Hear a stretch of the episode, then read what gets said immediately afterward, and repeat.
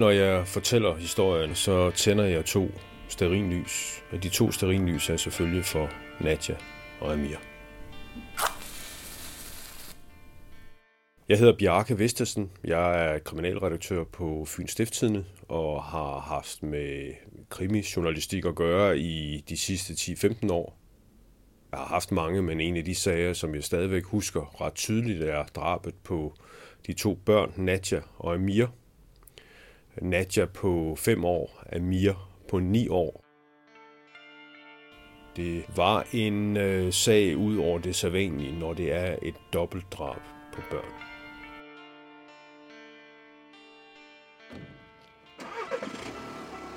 Den her episode finder sted i marts 2005. Det er en søndag formiddag. Jeg er på vej på arbejde, og øh, jeg kører i min bil. På det tidspunkt der var det muligt at aflytte politiets radioer, som stort set alle kriminaljournalister i Danmark nok havde på det tidspunkt. Og jeg havde den også tændt i bilen, mens jeg kørte derud. Og omkring kl. 10, der hører jeg så fra vagtcentralen, at, der bliver sagt, at vi spærrer gerningsstedet af. Det er selvfølgelig en melding, som, som, som jeg øh, synes er yderst interessant, fordi hvad er det for et gerningssted? Jeg kan godt sådan allerede fornemme på måden, det bliver sagt på, at det er måske lidt større end, end bare en trafikulykke eller, eller et slagsmål eller noget tredje, som kunne være sket natten til den her søndag. Så lige snart jeg sætter mig på redaktionen, ringer jeg til vagthavene. Der er tale om drabsag på Fjordholmen ude i en forstad i det østlige Odense, der hedder Seden.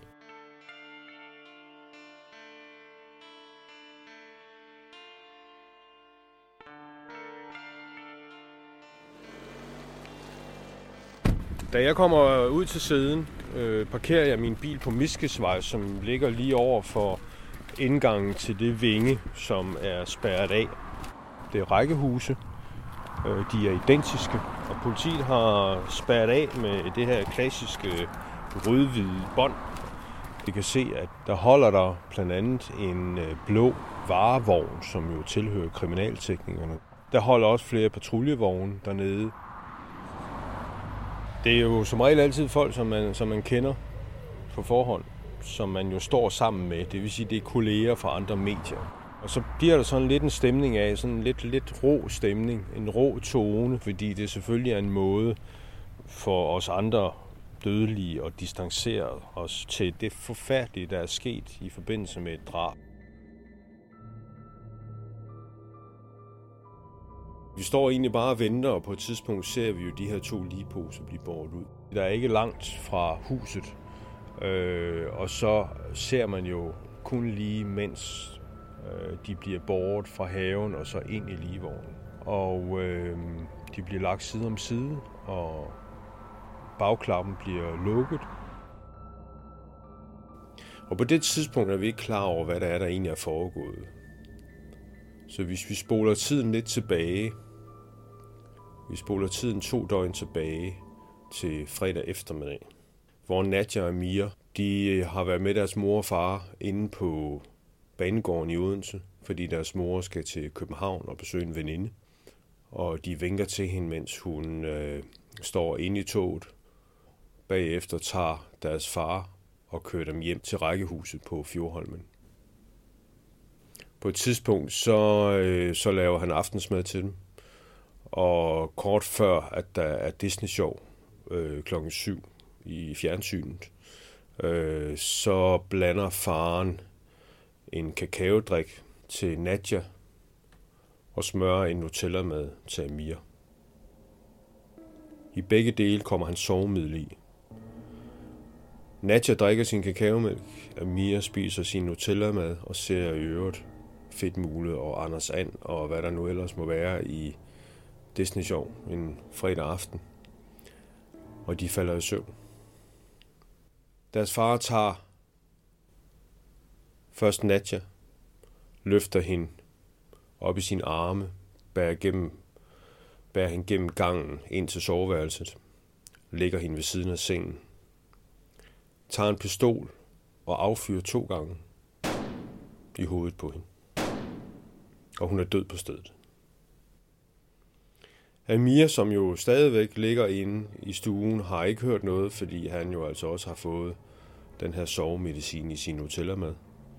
Så han øh, løfter Amir op i sine arme, bærer ham ind ved siden af Nadja, som nu ligger død på soveværelsesgulvet. Og han trækker igen den her pistol og skyder ham to gange i hovedet.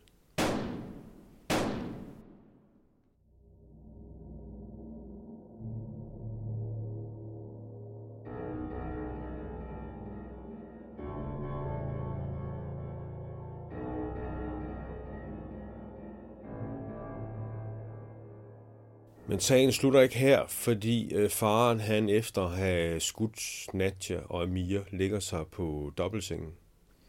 Han øh, fumler med pistolen og affyrer den og rammer sig selv.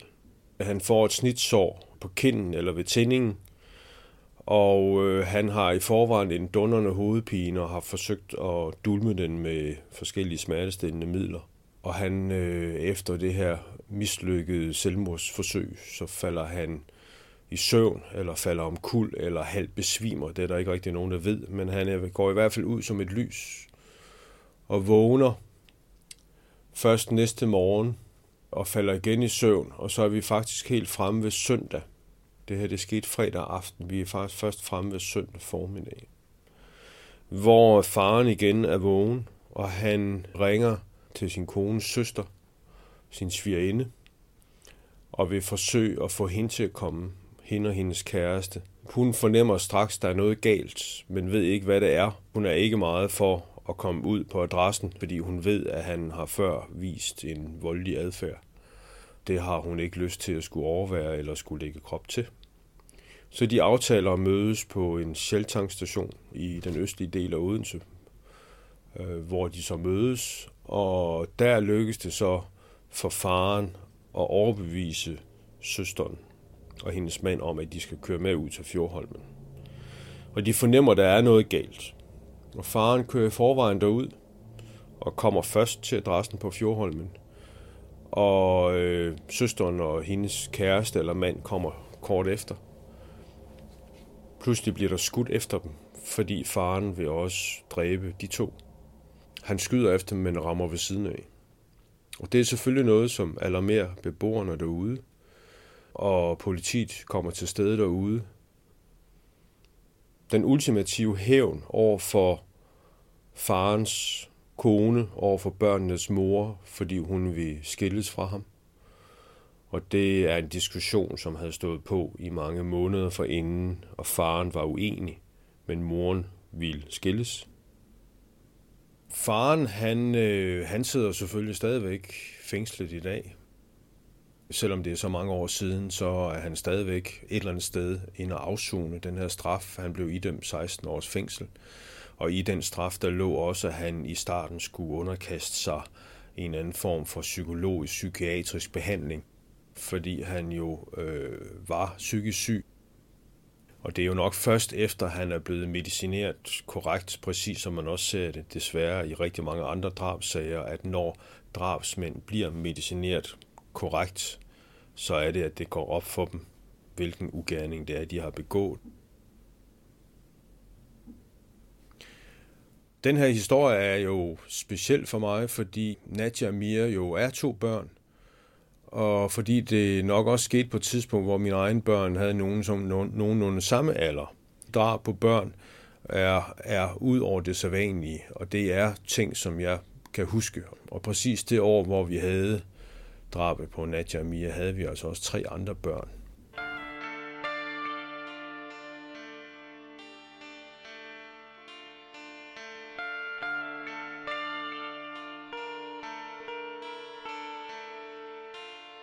Hvis jeg ikke havde, havde et panser at bygge op omkring mig, og det er ikke noget, jeg gør bevidst, det er noget, jeg bare gør helt automatisk, så vil jeg jo øh, tage hjem hver eneste dag fra arbejde, eller så tit sker der heldigvis ikke drab, vel, men, men, men, men så vil jeg ikke synes, at jeg kunne passe mit job, fordi jeg vil tage tingene med hjem og sparke til hunden og slå konen og alt muligt andet, fordi der er grænser for, hvad et, hvad et menneske kan tage ind af andres ulykker.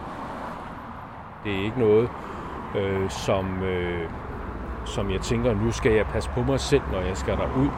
Jeg kan godt fortælle andre, at de skal passe på sig selv, når de skal ud til sådan noget her. Men, men, men jeg har selv oplevet, at det er bare sådan en fuldstændig automatisk reaktion. Jeg kan jo heller ikke tage hjem til min familie og underholde med det, som jeg oplever. Og når jeg så bliver spurgt om, jamen hvad så, hvordan er din dag gået, hvad har du oplevet? Jamen, så er der jo ligesom grænser for, hvor, hvor, hvor langt ned i detaljerne jeg kan komme, fordi der er jo ingen grund til, at de skal forholde sig til, til den grusomhed, som, som jeg har været ude til. Jeg har kun oplevet en gang i nyere tid, hvor, øh, hvor det pludselig kom, øh, kom ind under huden på mig. Jeg var til grundlovsforhør med, med den gerningsmand, som havde begået drabet. Og så er det først på vej ned ad trappen, at jeg møder en kollega, en fotograf, som så øh, meget alvorligt kommer hen til mig og siger, jeg har lige set ham. Og så siger jeg, jamen det har jeg jo også, jeg har jo lige siddet til grundlovsudhør. Jamen hvad sagde han?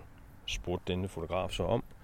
Og så var det pludselig, at jeg skulle til at koble mig selv som person til, hvad det var, han havde sagt, og hvad jeg havde skrevet ned. Og så var det, det på en eller anden måde ramte noget ind i mig, nemlig hvad det var, han havde fortalt, hvad han havde gjort. Og det, min kollega kom og spurgte mig, som den person, jeg er, på en eller anden måde skete der altså et overlap, hvor pludselig det her panser, det ikke var der. Og det slog mig ud. Om det er drabene på Nadja og Mia, om det er drabene på fjerde eller femte person, øh, så har det ikke noget med mig at gøre. Og jeg skal bare have nogen til lige ind imellem, med lidt års mellemrum, og fortælle mig det. Og til lige at, at, at påpege, husk lige på, det har jo ikke noget med dig som person at gøre. Du kender ikke de mennesker, de har ikke noget med dig at gøre. Du er derude som professionel, som reporter. Du er læsernes øjne.